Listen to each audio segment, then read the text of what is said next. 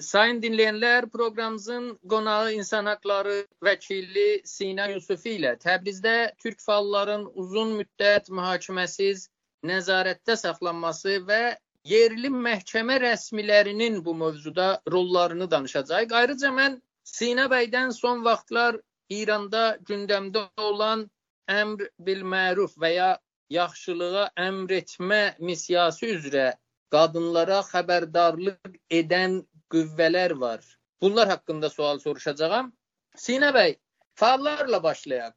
Yəni 3 ay oldu, bəziləri buraxıldı, bəziləri hələ həbsdə qalır. Bunların nəzarət müddəti uzadıldı. Sonra tutulanlar da oldu və fəallarla bağlı biraz yeni əgər yenilişlər varsa, onlarla bağlı mümkün olsa biraz məlumat verin, oradan davam edək. Salam, hər vaxtınız xeyir olsun.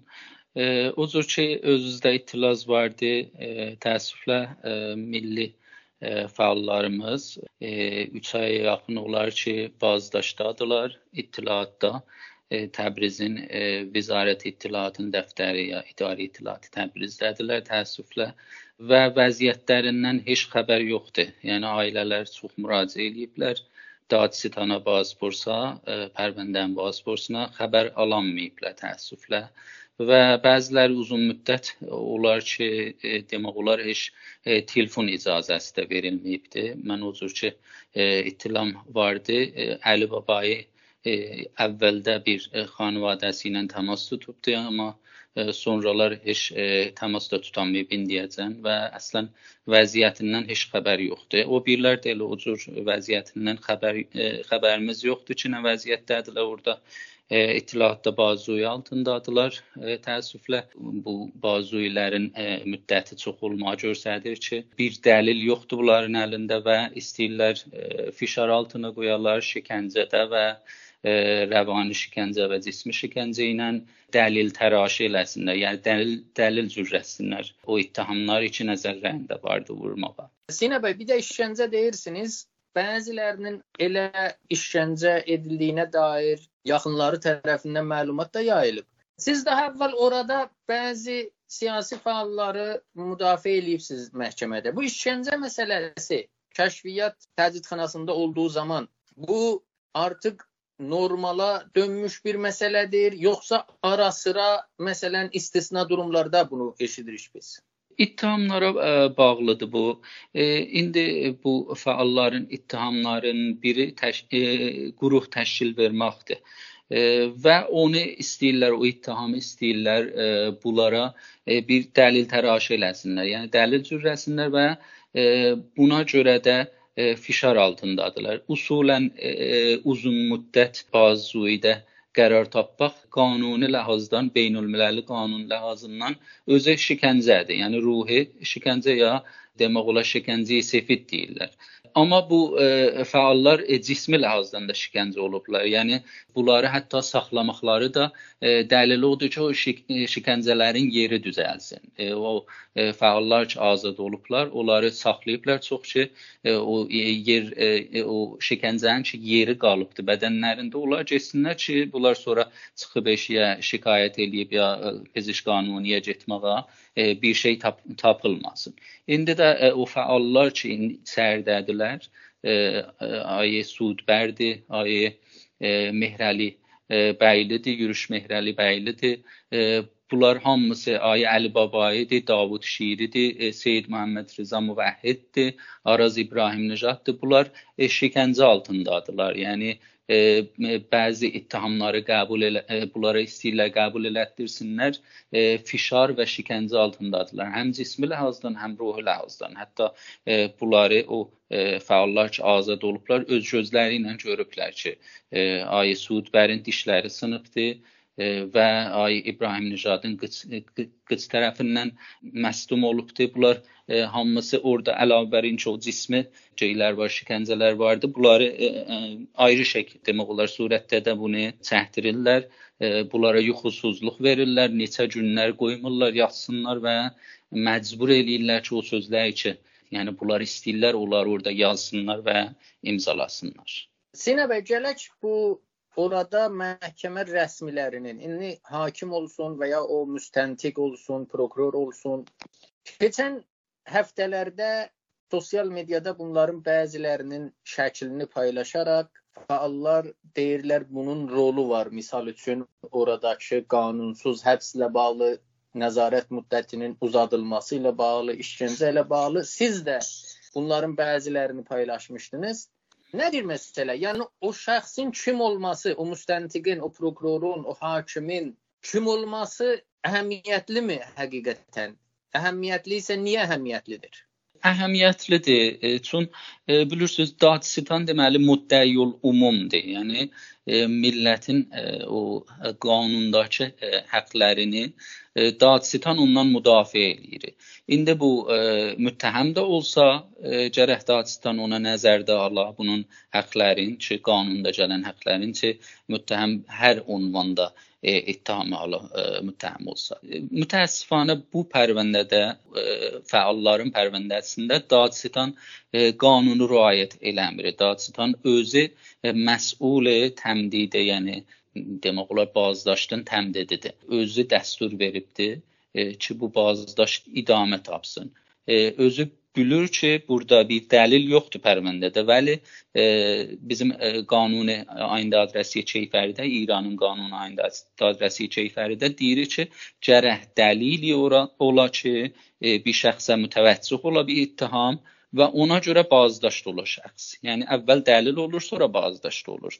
Bəli, təəssüflə burada əvvəl bazdaşt olur, aparırlar, saxlayırlar, şikəncə verirlər, dəlili icad edirlər, pərvəndə sazı edirlər, pərvəndə yollayırlar dadqaha. İndi pərvəndə e, təhqiqat mərhələsindədir. Burada dadstan da dərgiri pərvəndədir, bazı borçlarda.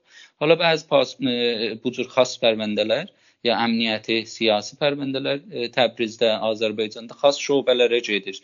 Biri elə şöbə 15-ə bazı borçludur ki, Seyid Əli Musəvidir. Oranın bazpursi biri şöbə 7-yə dadiyaridir, e, Hadi Qəfuriyandır. Bunlar şəxsən e, pərvəndələr bulan şöbəsinə gedəndə e, demək olar zabit qəzayı ki, ittilaatdır, bunların rəisidir. Nəinki zabit qəzayı zir məcmui demək olar dadsəradır. E, vəli burada e, bunların rolları fərqlidir. Elə bir zabit dəstur verir bunlara. Zabit qəzayı ki, ittilaatdır, dəstur verir ay Musəviyə ki, bunları biz bir ayda saxlamalıyıq, iki ayda saxlamalıyıq, yəni, üç ay. Yəni Sina bəy, sadə dillə desək, yəni orada o pərvəndə deyirsiniz, o dösyəni ki verirlər o müstəntiq bölümünə, prokurorluğa, orada işləyənlər, o müstəntiqlərin hamısı əsasən bəzi filtrlərdən keçərək ora gedir. Misal üçün İslam Respublikası nizamı ilə problemi olmaması lazımdır bütün o təhqiqat mərhələlərini keçməsi lazımdır oraya gedib orada işləməsi üçün. Amma siz deyirsiniz hələ bundan əlavə də orada olan hər kəsə də vermirlər bu dösyələri. Birbaşa o kəşfiyyatla irtibatda olana verirlər. Eləmi deyirsiniz? O cürdür. Hala e, bu pərvəndələr verirlər o şöbələrə ki, e, demək olar söz eşidirlər. Ya məsələn, e, demək olar onların məmurlarıdırlar orada. E, bu etirazlar ki, İranda var idi bir il qabaqdan başlayıbdı. Bu etirazlarda pərvəndələrin o tedadı çox-çoxlaşdı və bunlar məcbur oldular o şöbələrdən əlavə versinlər ayrı şöbədə da. Yəni yetirmirdilər bu 2-3 şöbə ki təyin olmuşdu. Yetirmirdi, verdilər ayrı şöbələrə də və e, bu ayrı şöbələr gördü e, Daçistan gördü ki, bu ayrı şöbələrdə biraət sadir olur. Mərdum ötürürlər, ceylirlər. Yəni bu göstərir ki, e, o xas şöbələr əslən tərbiyyət olublar ki, Daçistanın e, təhti nəzərində ya idarə ittilatının təhti nəzərində mərdumun ə, haqqın zayi eləsinlər. Vələ əgər dursan qanuna, bizim qanunumuzda əsli biraət vardır. Əgər dəlil olmadı pərvəndədə gərək ötürəsən. E, Bazdaşda saxlayıb dəlil cürləmək qeyri-qanuni bir işdir. Bu e, pərvəndələr ki, tedadı çoxlaşmışdı, bildir verirdilər o şöbələrə və o şöbələrdə e, əksərən e, beduni qərar ötürürdülər çün dəlil yox idi pərvəndədə. Sina bəy, bu yaxınlarda bu əmr bil məruf, yəni yaxşı əmələ əmr etmə nəhyə münkəri də var, pis əməldən çəkindirmə. Bunun İranda bir qərargahı da var və bu son illərdə, son 1-2 ildə bu çoxaldı. Yəni qadınlara xəbərdarlıq verirlər və bu bəzən də o insanlar arasında münaqişəyə də səbəb olur. Bu son zamanlarda biraz gündəmə gəldi.